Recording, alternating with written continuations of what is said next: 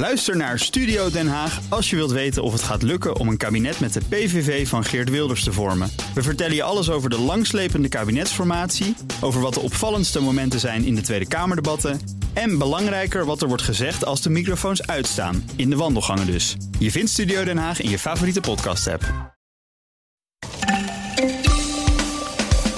De supermarkten worden onderzocht op kartelvorming, omdat ze de lonen hebben verhoogd. Gezamenlijk, maar buiten de CAO om.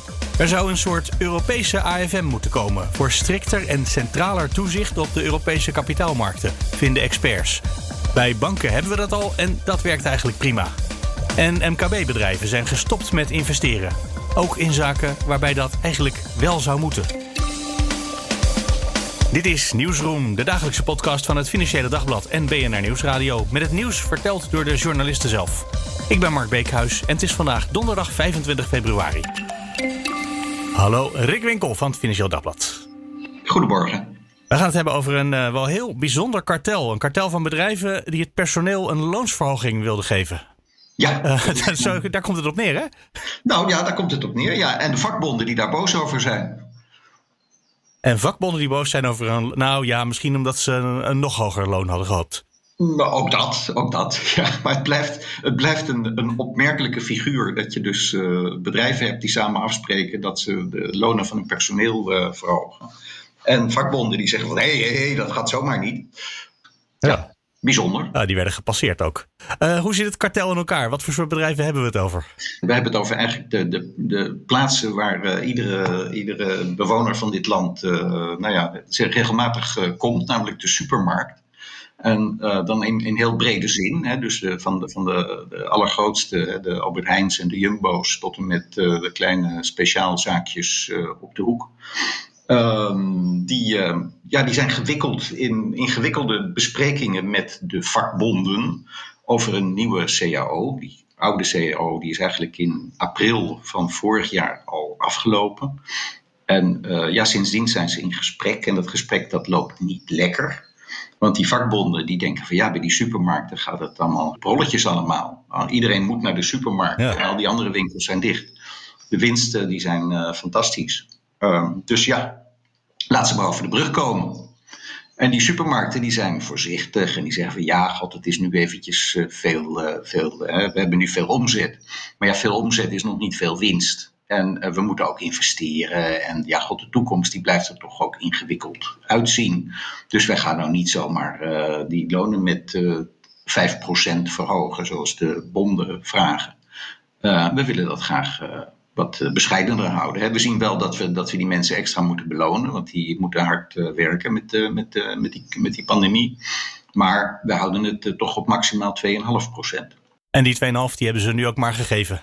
Nou, wat er nu gebeurd is, is dat ze heel lang uh, daarover hebben lopen steggelen. En van hebben ze gezegd, moet het nou uh, één jaar uh, CAO zijn of een twee jaar CAO? En als het dan twee jaar CAO wordt, dan, dan verhogen we dat. Dan wordt het niet 5%, maar dan wordt het 10% wat we moeten hebben. En dan zeggen de, de, de supermarkten van ja, vooruit. Dan, hè, dan willen wij wel naar, naar 5% over die twee jaar. Maar ja, goed, dan heb je nog twist over wanneer gaat dat nou precies in. Hè? Want als je dan een verhoging per 1 maart 2022 erin zet, ja, dat is ook nog wel ver weg. En dan, dat telt dan toch weer op tot 5%. Nou, dat is de hele, hele tijd is dat op en neer gegaan. Die gesprekken die liepen niet lekker. Uh, nou ja, dat is natuurlijk logisch ook nog met die, met die corona. Want het is niet zo makkelijk om dan in een grote zaal bij elkaar te gaan zitten en, en, uh, en te onderhandelen. En vooral uh, in, de, in de wandelgangen verder te onderhandelen. Dus dat is, dat is bij alle CAO-besprekingen is dat op het ogenblik een, een beetje een moeizame affaire. En nou ja, goed, dat liep niet, dat liep niet, dat liep niet. Uh, de FNV zei op een gegeven moment, nou dit is, dit is ons ultimatum, als je dit niet slikt, dan uh, gaan wij actie voeren. Daar zijn ze ook mee begonnen. En als een reactie daarop hebben die bedrijven, of althans een deel van de bedrijven, gezegd, oké, okay, het, gaat, het, het, gaat lang duren. die, arme, die arme vakkenvullers die mogen daar niet het, het slachtoffer van worden. Wij gooien vast die 2,5% die wij bieden, die gooien wij vast per 1 februari op het loon. Daar kan niemand bezwaar hebben, tegen hebben, toch? Want die 2,5% dat is wat er sowieso uitkomt. De vakbonden zeggen van hoe zou 2,5% uh, sowieso eruit komt. Wij, wij willen Ja, maar ik bedoel, daar kan altijd nog wat bij bovenop komen. Maar 2,5% hebben ze toch al binnen. Nou ja, je kunt dus redeneren, die hebben we dan vast in onze zak. Uh, dat is één redenering. Uh, aan de andere kant is het natuurlijk wel zo dat als die supermarkten dat zeggen, uh, dat, dat het personeel denkt van nou, die 2,5%, dat is, dan hebben we in ieder geval die 2,5% per 1 februari in onze zak. En die vakbond die zegt wel dat wij moeten actie voeren voor, voor 5%. maar ja, uh, zal ik dat nou wel doen? Hè? Dan krijg ik toch weer het gezeur met mijn baas. Uh, en ik zie wel dat ja. mijn baas uh, dat ook niet fijn vindt. Is niet zoveel organisatiegraad in deze, in deze sector. Dus ja, de vakbonden zeggen van dit is gewoon een spelletje. En dit is gewoon bedoeld om ons, om ons buitenspel te zetten op deze manier. En bovendien, en dat hebben ze ook meteen gezegd, de vakbonden. Het mag niet. Je mag niet als, als bedrijven onder elkaar de koppen bij elkaar steken. En zeggen, we hebben allemaal dezelfde prijzen of we betalen allemaal dezelfde lonen. Daar hebben we een mededingingswet voor ja. om, dat, om dat te voorkomen. Dus daar hebben de vakbonden voor gewaarschuwd. En nu blijkt dus inderdaad dat de ACM zegt, hé, hey, wat is daar aan de hand? Uh, die, gaan, die gaan daar een, een onderzoek naar instellen. En precies, want dit zijn eigenlijk gewoon grote bedrijven die met z'n allen een prijs hebben afgesproken. In dit geval dan niet voor uh, hagelslag of uh, kaas, maar voor wat het personeel mag kosten. Nou, voor de kosten die ze, voor de extra kosten die ze maken. En nou ja, goed, er is, een, er is een mededingingswet die zegt dat mag niet. en in die wet staat wel van ja, er is één, één uitzondering op die, op, die, op die regel dat dat niet mag. En dat is als je dat netjes in een CAO afspreekt met elkaar, want daar zijn CAO's voor bedoeld. En, en die, die supermarkten, gaan die, uh, ja, gaan die wijken? Of uh, wachten die het onderzoek uh, vol vertrouwen af, zoals ze dat altijd doen? Nou, of ze gaan wijken. Ik weet niet hoe ver het gaat komen. Dat is, dat is een beetje moeilijk te zeggen. Zij zeggen, er is hier geen sprake van een, van een dringend advies aan ons, of een dwingend of een dringend advies aan onze leden. Dus zij, zij zeggen van dit is geen afspraak. Ja, god, het is nou toevallig zo dat we, dat we met dat, dat verschillende bedrijven uh, die 2,5 procent. Maar er zijn er ook een paar uh, wat kleinere bedrijven, begrijp ik, die 2 procent uh, extra bieden. en die bedrijven die zeggen van ja, dat is gewoon onze eigen, onze eigen afweging. Dus ja, dat wordt nog een heel uitzoeken, uitzoekwerkje voor de ACM om nou te kijken of daar nou inderdaad sprake is van een, van een ongeoorloofde prijs, of tenminste kostenafspraak. tussen, die, tussen die bedrijven. En aan de andere kant, ja, uh, die vakbonden die staan nu toch weer een beetje onder druk om ja, misschien toch terug te komen naar die onderhandelingstafel en te kijken of ze dan misschien voor iets minder dan 5% of 10% wel een deal kunnen sluiten. Maar het is een interessant spel, dat in ieder geval. En het is interessant inderdaad dat er nu dus de beschuldiging in ieder geval is dat ze een kartel vormen. Ja. Dat moet dan nog even juridisch helemaal uitgezocht worden. Ik begreep wel dat ze bij het FNV zeiden, wij zien van de verschillende ketens wel vergelijkbare brieven naar de medewerkers. Dus dat suggereert toch dat ze wel samen hebben opgetrokken met het, ja, met het schrijven van die brief. Ja, de, FN, de, de, de FNV-bestuurder die heb gesproken, Marie Martens, die zegt van ja, ik heb gewoon van al die, hè, van al die nou, nou niet al die supermarkten, maar toch een heleboel supermarkten, heb ik, heb ik uh, brieven gezien en die zijn eigenlijk hetzelfde. Hè? Maar goed, als je die supermarkten belt, dan zeggen ze ja, nee, dat is onze eigen afweging. Dus ja, dat is een beetje een, een, een woordspelletje en dat mogen, de, dat mogen de juristen van de ACM uh, uitzoeken hoe dat precies zit. Wij blijven dit volgen, want dit is een uh, spannend kartelverhaal. Rick Enkel, dankjewel. Bom, oké. Hallo Martijn Pos. Goedemorgen Mark. Van het Financieel Dagblad. We gaan het ook hebben over echt serieuze financiële zaken. Toezicht op de, uh, de financiële sector, op de kapitaalmarkt, dat soort zaken. En je hebt een soort themanummer van de krant gemaakt. Met een artikel op de voorpagina, een uh, interview binnenin en een opiniestuk nog. Niet dat dat van jullie hand is, maar dat is niet per ongeluk natuurlijk dat het op dezelfde dag in de krant staat. Zeker. Vertel, wat was de gedachte dat dat zo ineens op de kaart gezet moest worden? Nou ja, we kunnen natuurlijk. We willen natuurlijk best transparant zijn over hoe je een krant maakt, maar we kunnen natuurlijk niet alle geheimen bewaren. uh, dus hier zitten grote strategische keuzes achter. Uh, nee, dat is uh, zonder, zonder gein. Dat is een samenloop van, van het feit dat wij Steven Major als vertrekkend voorzitter van ESMA, de Europese club van, van toezichthouders, die heeft daar tien jaar gezeten. En uh, nee, we hadden dus dat interview met hem al, uh, al in de planning. En dat, uh, dat viel samen met een uitermate interessante opinieartikel. ook uit, uit de internationale krochten van, van het Europese stelsel. In dit geval van de CFO van het ESM. Um, en dat, dat, ja, dat viel keurig samen.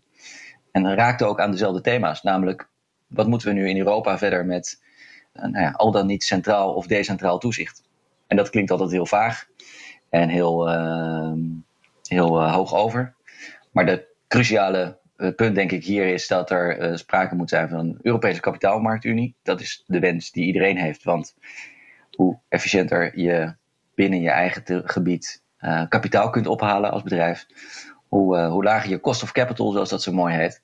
Um, en zo'n markt, ja, dat, dat valt of staat bij de wijze waarop je hem reguleert. dat is eigenlijk meer het woord toezicht houden en reguleren. Het wordt vaak door elkaar gebruikt. Maar het gaat hier om het reguleren van 27 ehm, verschillende lidstaten. Die allemaal een deeltje hebben van die, van die kapitaalmarkt.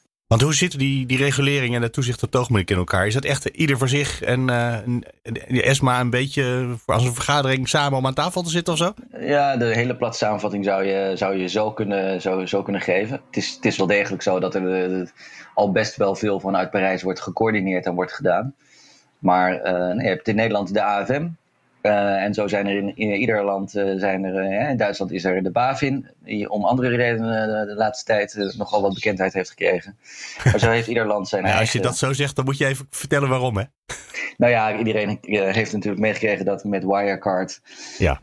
in Duitsland er nogal een groot beursschandaal aan de hand is. en ja, de, de BaFin speelt daar toch wel een belangrijke centrale rol in als toezichthouder. En de, de fouten die daarbij zijn gemaakt. Um, maar goed, uh, het is wel degelijk zo dat de Duitse financiële markten worden gereguleerd door de BaFin. De Nederlandse financiële markten worden gereguleerd door de AFM. Maar er is al, denk ik, een jaar of vijftien geleden van gezegd van ja, als we toch als één Europa moeten we daar uh, gezamenlijke regels voor hebben. Nou, dat is vanuit de Europese Commissie destijds Frits Bolkestein nog uh, ooit een keer mee begonnen. En stapsgewijs is dat, is dat verder gegaan. Maar feit dat je min of meer dezelfde set regels gaat hanteren, maakt nog niet dat iedere toezichthouder op dezelfde manier opereert.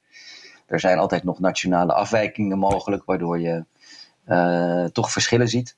Um, en dat, dat, dat, dat maakt dat die markt minder efficiënt is, als dat je daar hè, het, andere uiterste nog maar één toezichthouder voor aanwijst, die voor alle landen bepaalt uh, wat wel en niet mag en hoe dat, hoe dat gaat. Wat voor soort uh, nuanceverschillen zitten er tussen de landen?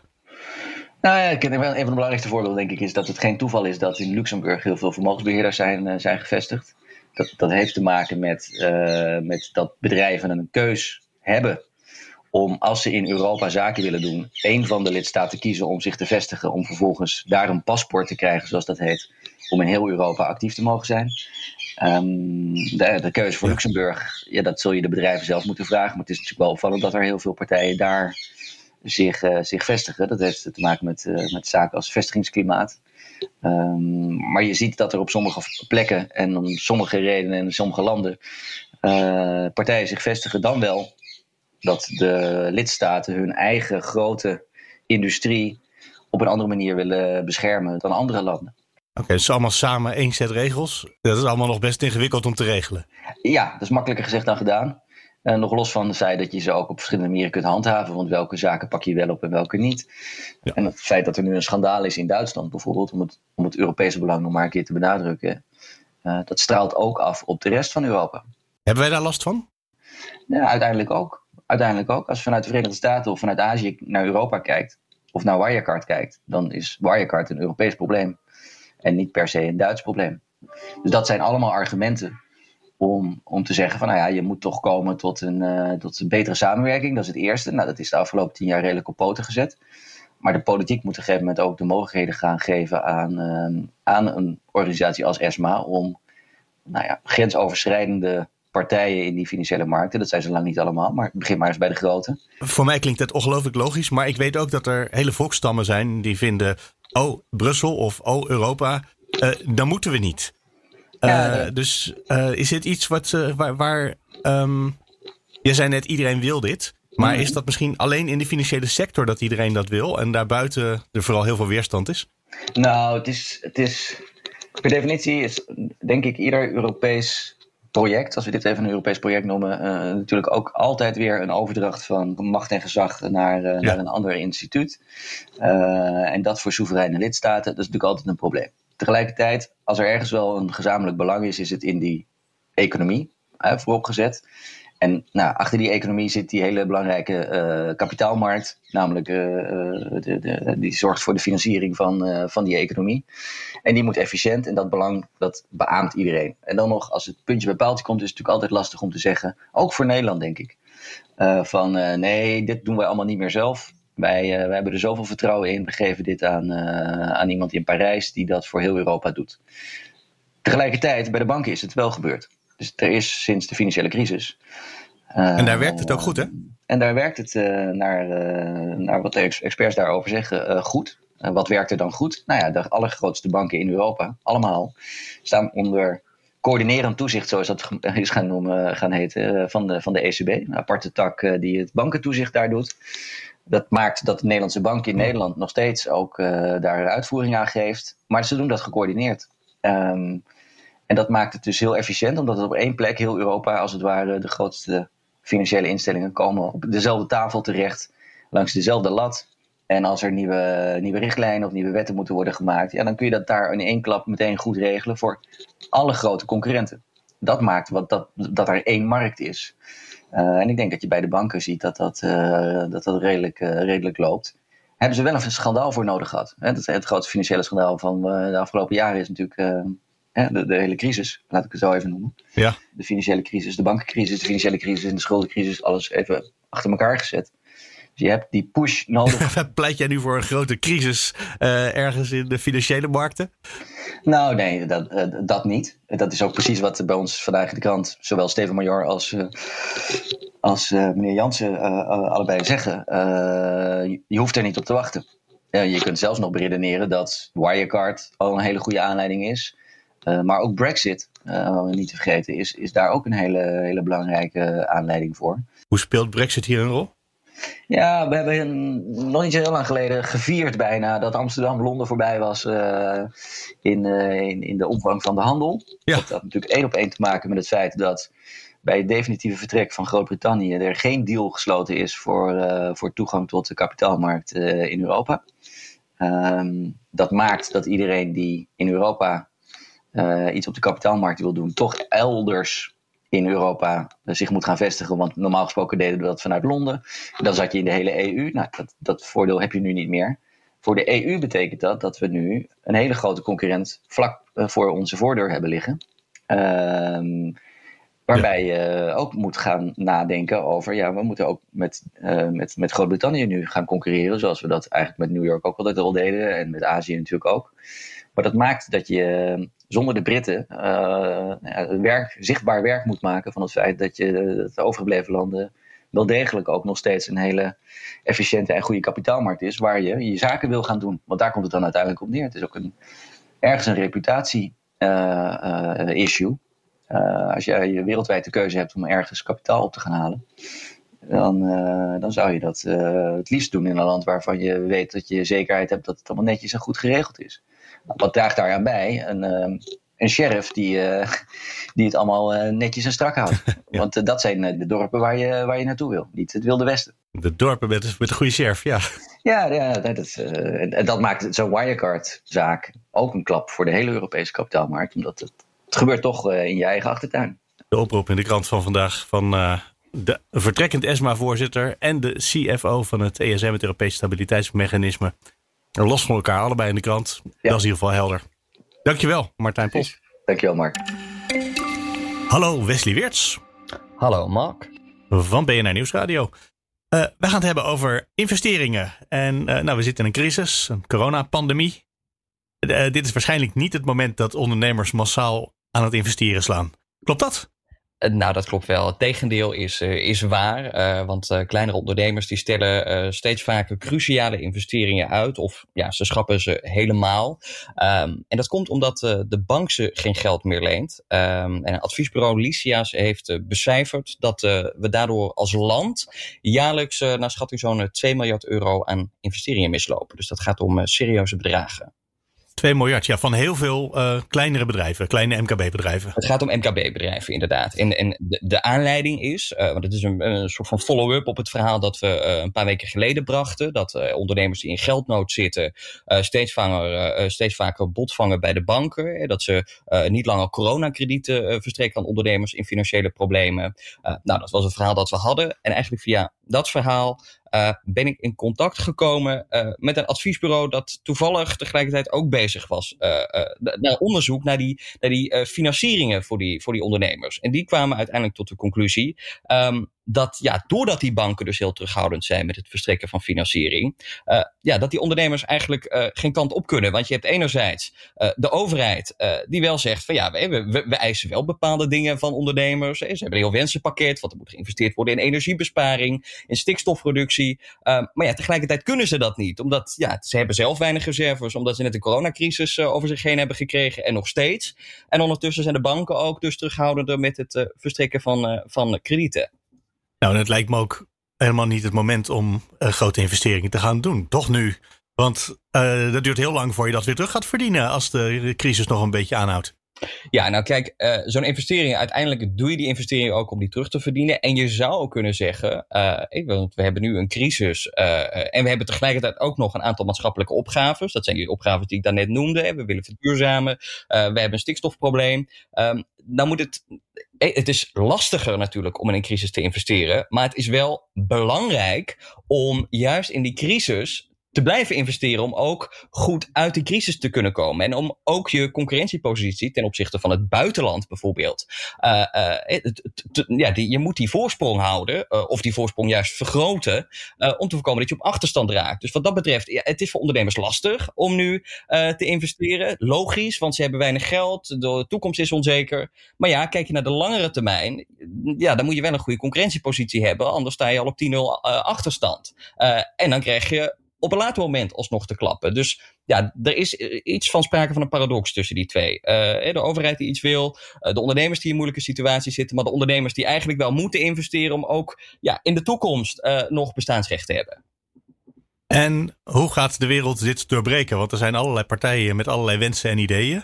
Ja. Maar ja, als je het zo beschrijft, is het vastgedraaid. Ja, nou, het is ook wel een lastige situatie. Kijk, die banken kun je ook niet uh, uh, zomaar alles kwalijk nemen. Want ja, die hebben enerzijds, tuurlijk, die, die, die, die willen die ondernemers echt wel helpen. Alleen ja, ze kunnen ook niet oneindig geld geven. Zeker niet als daar de risico's te groot voor zijn. Want ze hebben anderzijds ook nog een verantwoordelijkheid naar spaarders toe.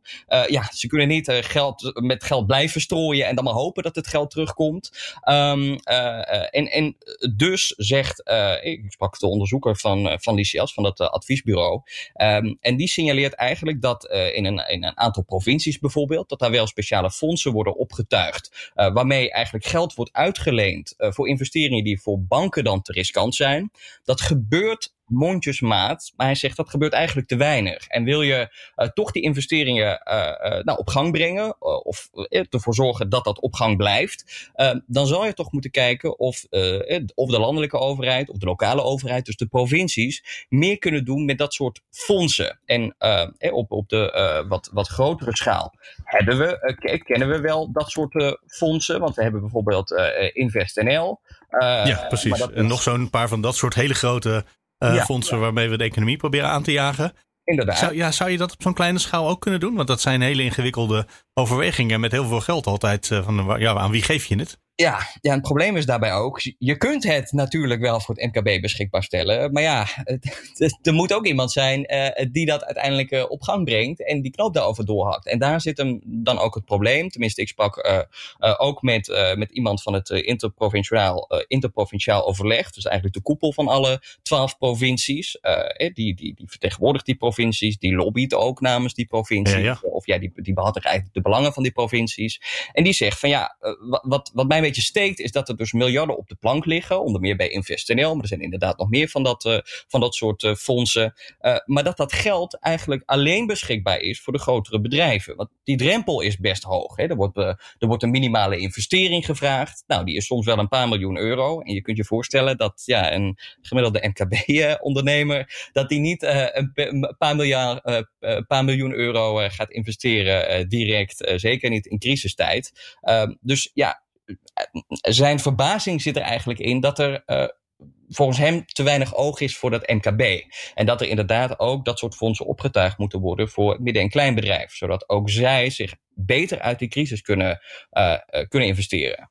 Ja, nou is natuurlijk de reden dat we die fondsen hebben opgericht niet het ondersteunen van het bedrijfsleven, maar het behalen van allerlei maatschappelijke doelen, zoals inderdaad verduurzaming en nou, nog een paar van dat soort zaken. En in Nederland innovatiever maken. Ja. Uh, dus dan is het natuurlijk ook, ja, dan wil je met een investering wil je een beetje impact hebben. Moet het ook meteen een serieuze investering zijn. Ja. Dus die, ik, snap, ik snap niet helemaal het bezwaar van de mensen van uh, Lysias. Uh, dat MKB-bedrijven buiten zicht bleven. Want ja, dat was niet het doel, bedrijven overeind houden. Nee, maar het gaat ook niet hier om uh, per se bedrijven overeind te houden. Het gaat erom dat die bedrijven uh, kunnen blijven investeren. En natuurlijk, als je de focus hebt op die, uh, op die grote bedrijven.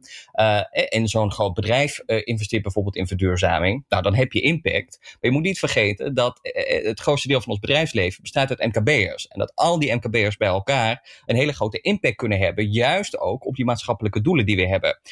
dus op het verduurzamen, op het terugbrengen van stikstof op digitaliseren. Uh, dat, dat, zijn allemaal punten waar die MKB'ers samen uh, behoorlijke stap voorwaarts kunnen zetten. Um, maar dan moeten zij ook toegang hebben, zo zeggen zij, tot die geldpotten.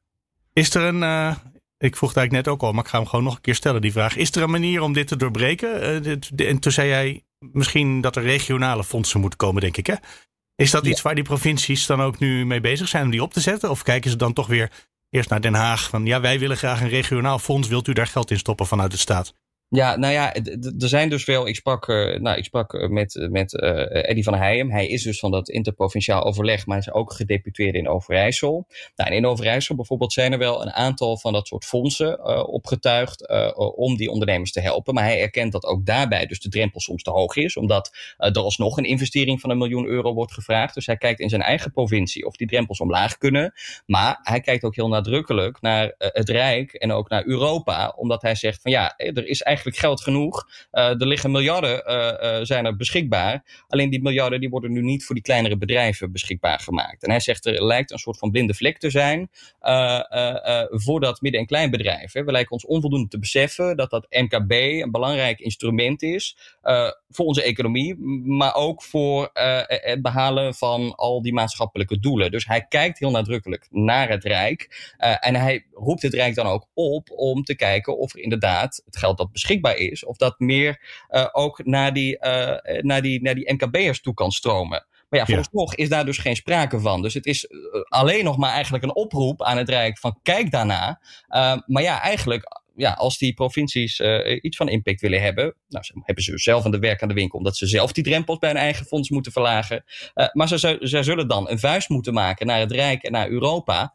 Van kom eens over de brug met, uh, met wat geld, zodat we dat in ons MKB kunnen pompen. Wesley Weerts, dankjewel. Alsjeblieft. De show notes van deze podcast vind je altijd op bnr.nl slash nieuwsroom. Voor als je meer wil weten over de onderwerpen waar we het over gehad hebben. En daar vind je bijvoorbeeld ook een link naar het opinieartikel over de Europese AFM. En je kan mailen, mail naar nieuwsroom.bnr.nl of nieuwsroom.fd.nl. Zoals Reinier deed.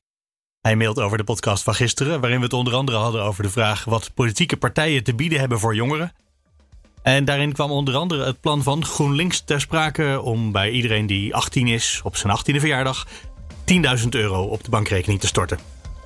En Renier schrijft: Ik snap de gedachte, maar dit is dus geen truc om stemmen te kopen. Of het is een heel slechte truc.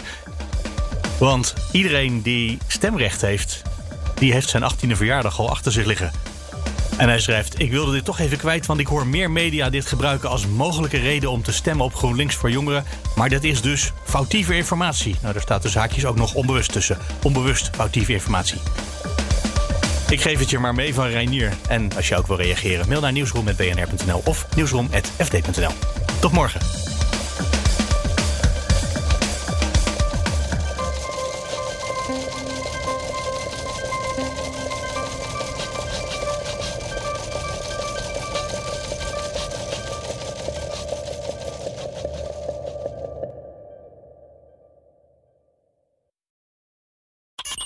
Ook Liesbeth Staats vind je in de BNR-app. Ja, heel handig. Luister live naar Kees en mij tijdens de Daily Move. Dan blijf je ook gelijk op de hoogte van breaking news en het laatste zakelijke nieuws. En daar vind je ook alle BNR-podcasts, waaronder de Perestrooikast. Download nu de gratis BNR-app en blijf scherp.